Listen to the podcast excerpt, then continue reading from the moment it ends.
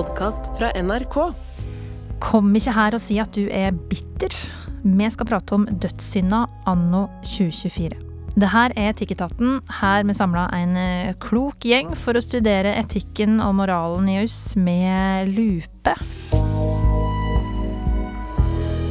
Og nå er det Sally Kamara som sitter her, som du kanskje kjenner fra NRK Super. Jobber nå med unge som sitter i rullestol. Cecilie Kåss Furuseth sitter ved sida av, programleder på både TV og podkast. Og Peder Kjøs, psykolog. Og vi skal starte en ny serie her i Etikketaten eh, nå. Nemlig å lage ei liste over hva som er en dødssynd i 2024. Vi har bedt dere som hører på om å sende oss forslag, og Fredrik har skrevet til etikketaten krøllalfa nrk.no. Bitterhet. Hvis jeg så masse som nevner at jeg er bitter for noe, får jeg raskt beskjed slutt å være bitter. Det er jo bare destruktivt, fører ikke noe godt med seg. Og det virka som de fleste av oss heia på åpenhet rundt følelser, men kom ikke her og si at du er bitter. Peder, aller først, hva er egentlig en dødssynd? Ja, eh, dødssyndene er sånne relasjonelle eh, synder, egentlig, da. Som går på Egentlig går det mye på å prioritere seg sjøl foran fellesskapet. Det er en slags fellesnevner der. Som grådighet, eh, vrede Det er liksom sånne eh, Ja. De er relasjonelle. Jeg syns det er litt interessant. Mm. Mm. Men eh, bitterhet, da? Hvor vil det si å være bitter, tenker du, Peder? Ja, bitterhet er jo å ikke legge ting bak seg, men holde fast på eh, krenkelser. Og ikke eh, Det motsatte av bitterhet er jo forsoning og tilgivelse, ikke sant. At man går videre da, og legger bak seg noe som har skjedd, som det er god grunn til å være sur og sint for, men det å være bitter er liksom å holde fast på det på en måte som ikke er konstruktiv verken for deg sjøl eller for fellesskapet. Er du enig, Cecilie, at eh, bitterhet er en følelse du ikke skal ha? Jeg er veldig enig. Og det, hvis noen har liksom påpekt meg at nå høres du bitter ut, så har jeg blitt kjempefornærma. Fordi jeg syns det er en vond følelse, og som man skal Som man liksom ikke skal ha. Men jeg tenker jo på det, det som han Fredrik skrev, at man liksom hvis han sier han er bitter, så sier de at det må du liksom Det må du lukke ned. Ikke, det, det får du ikke lov å være. Men hvis det er å holde fast ved ting, hvordan skal man klare å komme seg videre hvis man ikke sier det høyt? Mm. Så på et eller annet sted så må jo den bitterheten ut. Så det må være lov å få det ut også, da. Ja, for det er jo litt konstruktivt å si eh, slutt med det. Ja, slutt med den følelsen. Det er, funker det noen ganger, liksom? Mm. ja, jeg er veldig enig i det. det. Man må absolutt kunne snakke om det for å på en måte prosessere da, det som er grunnen til bitterheten og den følelsen man har. Prosessere det og komme videre og, og sånn. Men i utgangspunktet så det er jo en følelse som det er bedre å ikke ha. Eh, men eh, følelser som ikke er gode å ha, de bør man jo definitivt snakke om. Jeg tror også det er liksom en av de mest usjarmerende følelsene. Mm. Altså, det er null skjerm ved å være bitter. Mm. Innrømmer du at du er bitter noen gang, Sally? Å oh, ja, ja, ja, masse. Jeg, eh, men det som hjalp meg nå, nå er jo ikke jeg bitter lenger, men bitterheten min hjalp jo meg med å bli den jeg er i dag, på en sånn måte at, sånn at man, man, kjenner på det. det har, ok, Noe har skjedd, du kjenner på det, du kommer deg ikke helt igjennom det. Og så sitter man kanskje der lite grann. Jeg tror nok at man kan finne ut av litt hva man ønsker og ikke ønsker av å være sint. liksom, Av å være sint veldig lenge. Jeg var en sint person i mange mange år da jeg var yngre. Men det som hjalp meg, nå på en måte tenke tilbake på det, var jo å tillate meg selv til å være sint og gå igjennom det. Og var kanskje ikke deilig å være bitter og være sint hele tida, men i min bitterhet så fant jeg ut oi, ok, kanskje jeg burde begynne å tilgi. Kanskje Maybe it's me. Eller at man begynner, å, man begynner å bearbeide noen ting, da, fordi man har kanskje tillatt seg selv til å være så mye i den følelsen. Men det var jo i min sinthet og bitterhet at jeg var sånn Men det er tungt. Jeg vil ikke føles Jeg vil ikke ha denne følelsen lenger. Det gagner meg ikke. Og gjennom det så klarte jeg å endre meg. ikke sant? På en måte bare sånn, nå er jo jeg, jeg var jo glad da, men nå er jeg glad med indre ro. Mm. Og det er den indre roen jeg er opptatt av at folk skal komme seg til, men du kommer deg på en måte ikke til den med mindre du går igjennom, mener jeg da.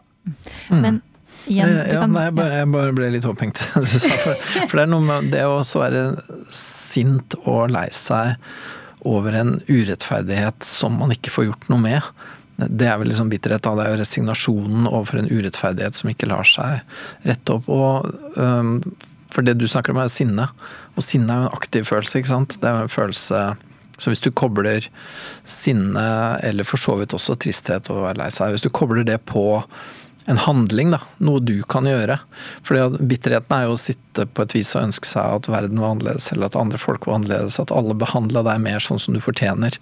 Og det er jo en passiv, resignert følelse, ikke sant.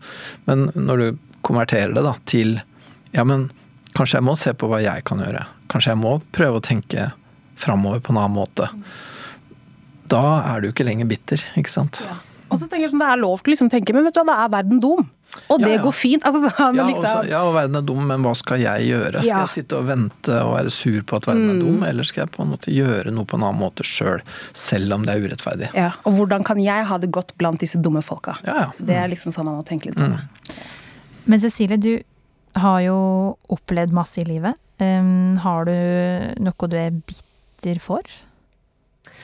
Ehm, nei, men jeg har jo også, som i likhet med Sally, også hatt en sånn sur på verden-aktig. Som ikke har uh, gagnet noen, da. Men jeg um, når jeg blir det, så er det liksom min taktikk noen ganger er bare sånn ok, du skal få lov å velte deg litt rundt i det. Og bare rulle rundt i den følelsen litt. Men så må vi videre, rett og slett. Fordi dette, kjenner dette har ikke noen funksjon, liksom. Men hvordan går en videre fra bitterheten? Bitterheten handler veldig ofte om at, at du sjøl ikke er eh, agent. Du, er ikke, du er ikke handlende i ditt eget liv. Alt er krefter rundt deg som du ikke får gjort noe med. Og det å begynne å ta tak i hva er det jeg kan gjøre, det er veien ut av bitterhet, rett og slett. Eh, finne ut um, hvordan ja, hvordan du kan forandre på ting, hvordan du kan leve videre, hvordan du kan um, leve selv om verden er urettferdig, og selv om folk har vært dumme og sånn. Ja. Jeg tror alle kjenner noen som er i den modusen der. Mm. Og som bare blir sånn De trekker energien ut av det, liksom. Mm. Uh, og som lever i en sånn tilstand av bitterhet og aldri gjør noe med det. Hva, hvordan dealer man med det?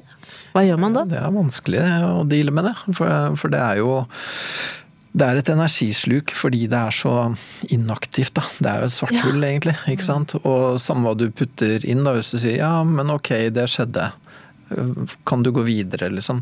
Nei, da må den og den gjøre det og det, eller da må det være sånn og sånn, da må det og det skje. Det er så masse om og men, da. Det er aldri liksom eh, Det man som bitter da ikke vil høre, er hva kan du gjøre selv om ting er urettferdig? For det er jo ikke det man vil høre, man vil bare høre at man har rett og at alle andre er dumme. sant? Og det, det skjer ikke. Det, det, selv om det er rettferdig, så skjer det ikke. Fordi andre folk er ikke innstilt på det.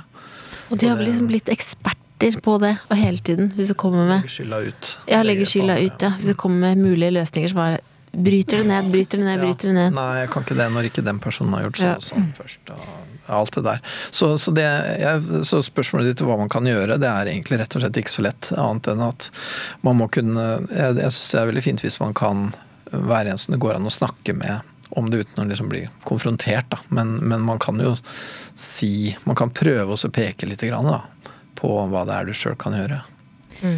Men det å få utløp for følelser som ikke bare er gode hele tiden, det, det tror jeg det, det trenger man. Det, det behøver man. Vi bor ikke i utopia, dessverre. Det er lov til å være bitter og fortelle folk nå er jeg dritsint, jeg er bitter. What can we do?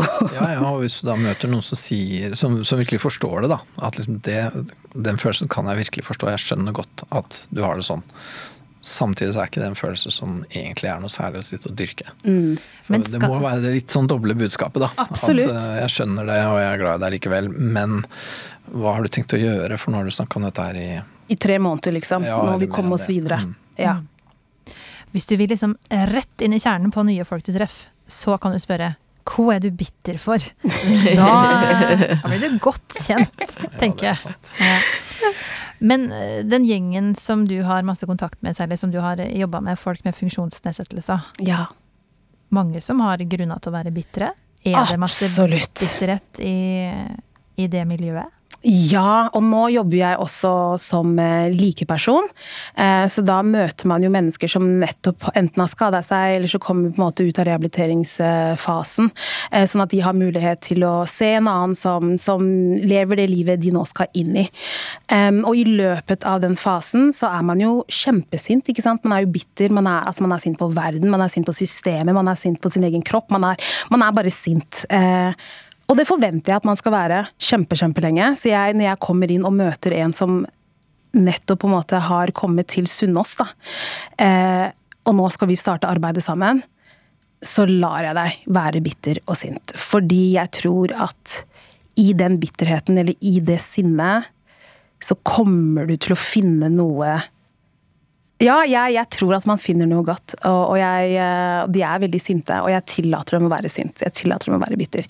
For nå går de faktisk inn i et liv um, som er helt annerledes fra det de er vant til. Og så skal de også begynne å like en kropp som er helt annerledes. Det er jo, det er jo en helt totalvending av livet. Em, men når det har gått sånn to år, så må vi prøve å finne ut av ok, nå kan du ikke være bitter lenger, for nå skal du faktisk leve et liv. I'm sorry, you're gonna die like this.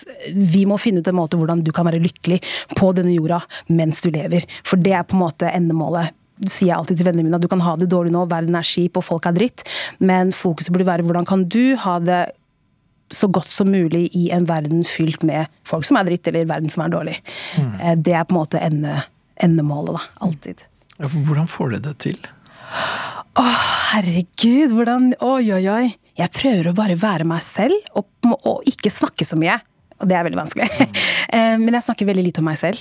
Veldig lite om meg selv. Eh, Og så prøver jeg på en måte å ikke gjøre så mye i rullestolen. Jeg prøver å på en måte, Spesielt de første dagene, første ukene, så vil ikke jeg komme hit og vise at å, jeg kan forflytte meg, og at, liksom, eh, at jeg er helt rå på dette her. Men jeg tar det sakte, men sikkert. Jeg prøver å komme meg litt inn i hodet til personen. Vi, vi glemmer diagnosen nå, vi glemmer at du er på Sunnaas, vi glemmer alt det medisinske. Hvem er du, Peder? Hvem var du før? Hva skjer? Hvordan går det med deg? Og så vil jeg også vite hvordan det går med deg utenfor diagnosen din. For det er veldig enkelt å si at jeg har det dårlig i dag. Men hvorfor har du det dårlig? Ja, men jeg klarte ikke å fullføre fysiotimen min. Ok, cool.